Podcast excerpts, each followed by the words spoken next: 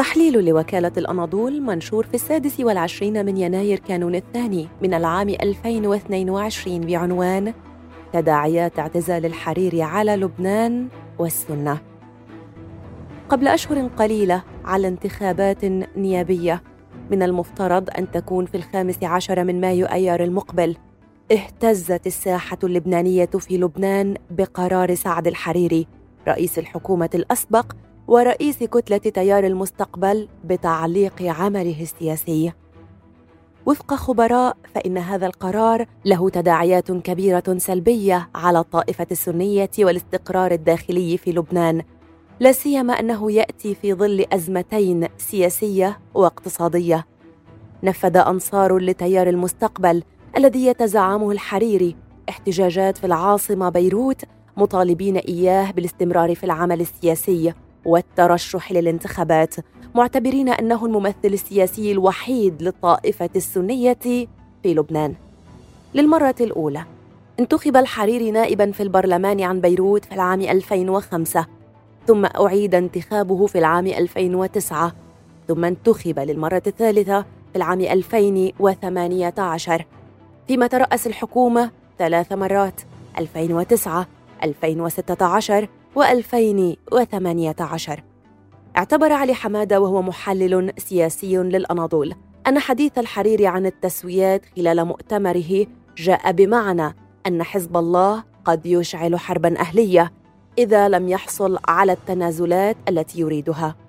رجح أن الأمور في لبنان تذهب نحو مزيد من التعقيدات والأزمات وبالتالي لا يريد أن يكون له أي دور في انفجار الوضع في البلاد. اعتبر أنه بغياب شخصية قيادية مثل الحريري قادرة على ضبط المشهد السني. من الممكن أن تخرج الأمور عن السيطرة في الشارع وأن تشهد تدهورا أمنيا خصوصا في حال وقع صدام مع حزب الله.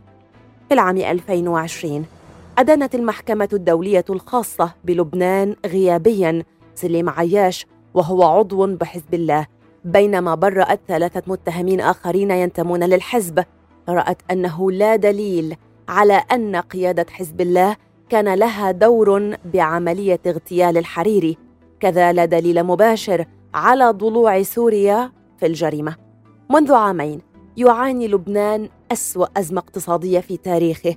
مع انهيار للعملة وشح في الأدوية والوقود وسلع أساسية أخرى وهبوط حاد في القدرة الشرائية.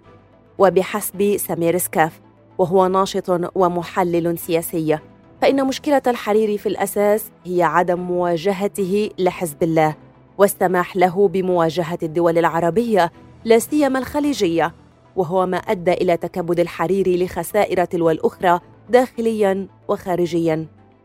تاريخيا كانت العلاقة بين بيروت والرياض دافئة خاصة مع رفيق الحريري الذي تولى رئاسة الحكومة اللبنانية مطلع تسعينيات القرن الماضي. وحتى بعد اغتياله في العام 2005 استمرت العلاقة جيدة مع نجله. لكن هذه العلاقة اهتزت في العام 2016 إثر تسوية جاءت بعون وهو حليف لحزب الله رئيسا للجمهورية والحريري رئيسا للحكومة. في العام التالي استقال الحريري عبر كلمة متلفزة من الرياض في ظروف غامضة قبل أن يتراجع عنها من بيروت.